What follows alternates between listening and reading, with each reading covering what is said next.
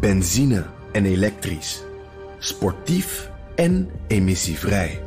In een Audi plug-in hybride vindt u het allemaal. Ervaar de A6, Q5, Q7 en Q8 standaard met quattro vierwielaandrijving. Wat u ook zoekt, u vindt het in een Audi. Audi. Voorsprong door techniek. Zo zeggen ze. Tech Update. Ja, Conor Klerks met een portie slecht nieuws voor de grote techbedrijven. Want in Brussel zijn ze het eens over hoe ze big tech moeten aanpakken. Conor. Ja, goedemorgen Bas. Het Europese parlement heeft ingestemd met een deal om de macht van grote techbedrijven aan banden te leggen. De Financial Times schrijft eh, dat de grote partijen in het Europese parlement het nu eens zijn over de nieuwe regels. Um, bedrijven uh, die getroffen worden zijn bedrijven met een market cap van minimaal 80 miljard euro. En die mhm. minimaal één dienst op internet aanbieden. Bijvoorbeeld een zoekmachine. Ja, over wie zouden ze het hebben? Nee.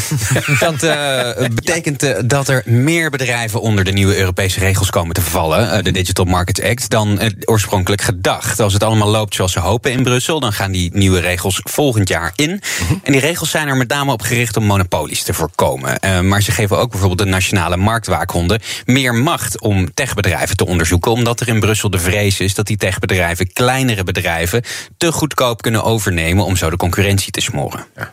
Google, hè? Er was een verschil van mening in het Europees Parlement trouwens. Ja, want uh, de EPP, uh, de wat conservatievere partijen, die wilden eigenlijk dat de regels alleen zouden gelden voor de allergrootste en daarmee voornamelijk Amerikaanse techbedrijven. Maar de socialisten en democraten, die wilden eigenlijk een wat breder net uitgooien qua regels. En ze lijken deels hun zin te krijgen. Naast het gebruikelijke rijtje van Amazon, Apple, Google, Facebook, Microsoft, vallen nu onder deze regels ook bijvoorbeeld het Nederlandse Booking en het Chinese Alibaba. Oké, dat is misschien nog wel eerlijk, hè? Hm. Dan wordt er ook in Washington opgetreden. Uh, ditmaal is dat tegen Meta. Of tegen. hoe heet het ook weer? Facebook? Ja, ja, ja Facebook. Um, op de beurs heet ze, geloof ik, nog Facebook. Uh, beurswaakhond FTC zegt dat een federale mededingingsrechtszaak tegen Facebook door kan gaan. Gaat gewoon Feta, Feta moeten gaan heten. Feta. Facebook en Meta. Ja. Uh, een Shirtaki muziekje. Een jatte grap van Arthur. Ja, heel goed, uh, Arthur. Uh, volgens de FTC heeft Facebook de markt verstoord door bedreigingen. En daarmee bedoelen ze dus andere bedrijven uit te sluiten of over te kopen. Het marktaandeel van Facebook, um, daar, daar, daarvoor kijken ze naar dagelijks actieve gebruikers. Hoeveel dagelijks actieve gebruikers zijn er in Amerika op internetdiensten zoals Facebook? Nou, daar hebben ze al meer dan 10 jaar meer dan 70% van in handen. En dat is volgens de FTC ruim voldoende om uh, een monopoliepositie uh, te veronderstellen. Te veronderstellen ja, inderdaad. Okay. En de aankoop van Instagram, maar ook de aankoop van WhatsApp waren volgens uh, de beurswaakhond dan ook bedoeld om die macht vast te houden. Ik hoor al een andere uitleg van Mark Zuckerberg komen. Klopt dat? Ja, bij monden van een woordvoering zegt uh, um, een woordvoerder zegt uh, Meta dat de FTC een monopoliezaak voor de rechter brengt zonder monopolist.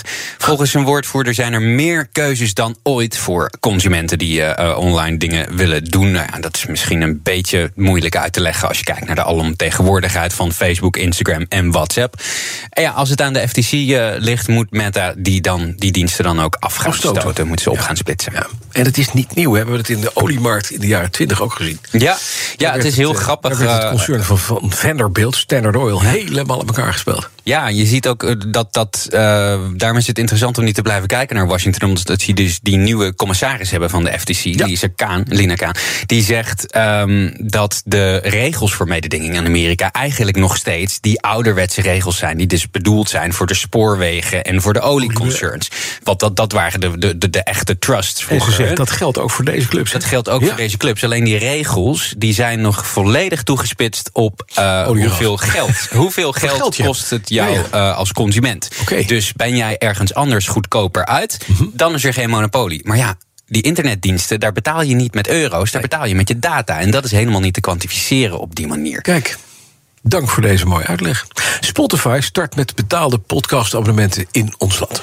Ja, podcastmakers kunnen abonnementen aan gaan bieden, uh, schrijft Tweakers vanmorgen. Die functie die was er al in de Verenigde Staten, maar nu ook in 29 andere landen, waaronder Nederland en België.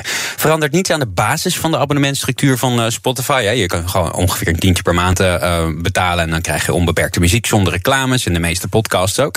Maar als jij als podcastmaker zelf wil ga, geld wil gaan vragen voor voor uh, jouw podcast, dan kun je daar nu een abonnementje En wat gaat, dat, wat gaat dat kosten? Ja, de prijzen in euro's zijn uh, nog niet bekendgemaakt. Maar als we even kijken naar de Amerikaanse markt, dan zien we dat het heel erg uiteenloopt. Het goedkoopste uh, podcastabonnement daar is 49 cent. En het duurste 150 dollar per maand. Nou ja. Dus dat moet een verdomd goede podcast zijn. Ik denk dat een beetje petrolheads ook gewoon goud 150 ja, toch per week kost. Per week, ja, zeker. Makkelijk als je kijkt naar de inhoud. Zo veel slechter maken. Verdomd duur om te maken ook, hè? Zo. Al die saaps. Oh, dankjewel, Conor De BNR Tech Update wordt mede mogelijk gemaakt door Lenklen. Lenklen. Betrokken expertise, gedreven resultaten. Benzine en elektrisch. Sportief en emissievrij.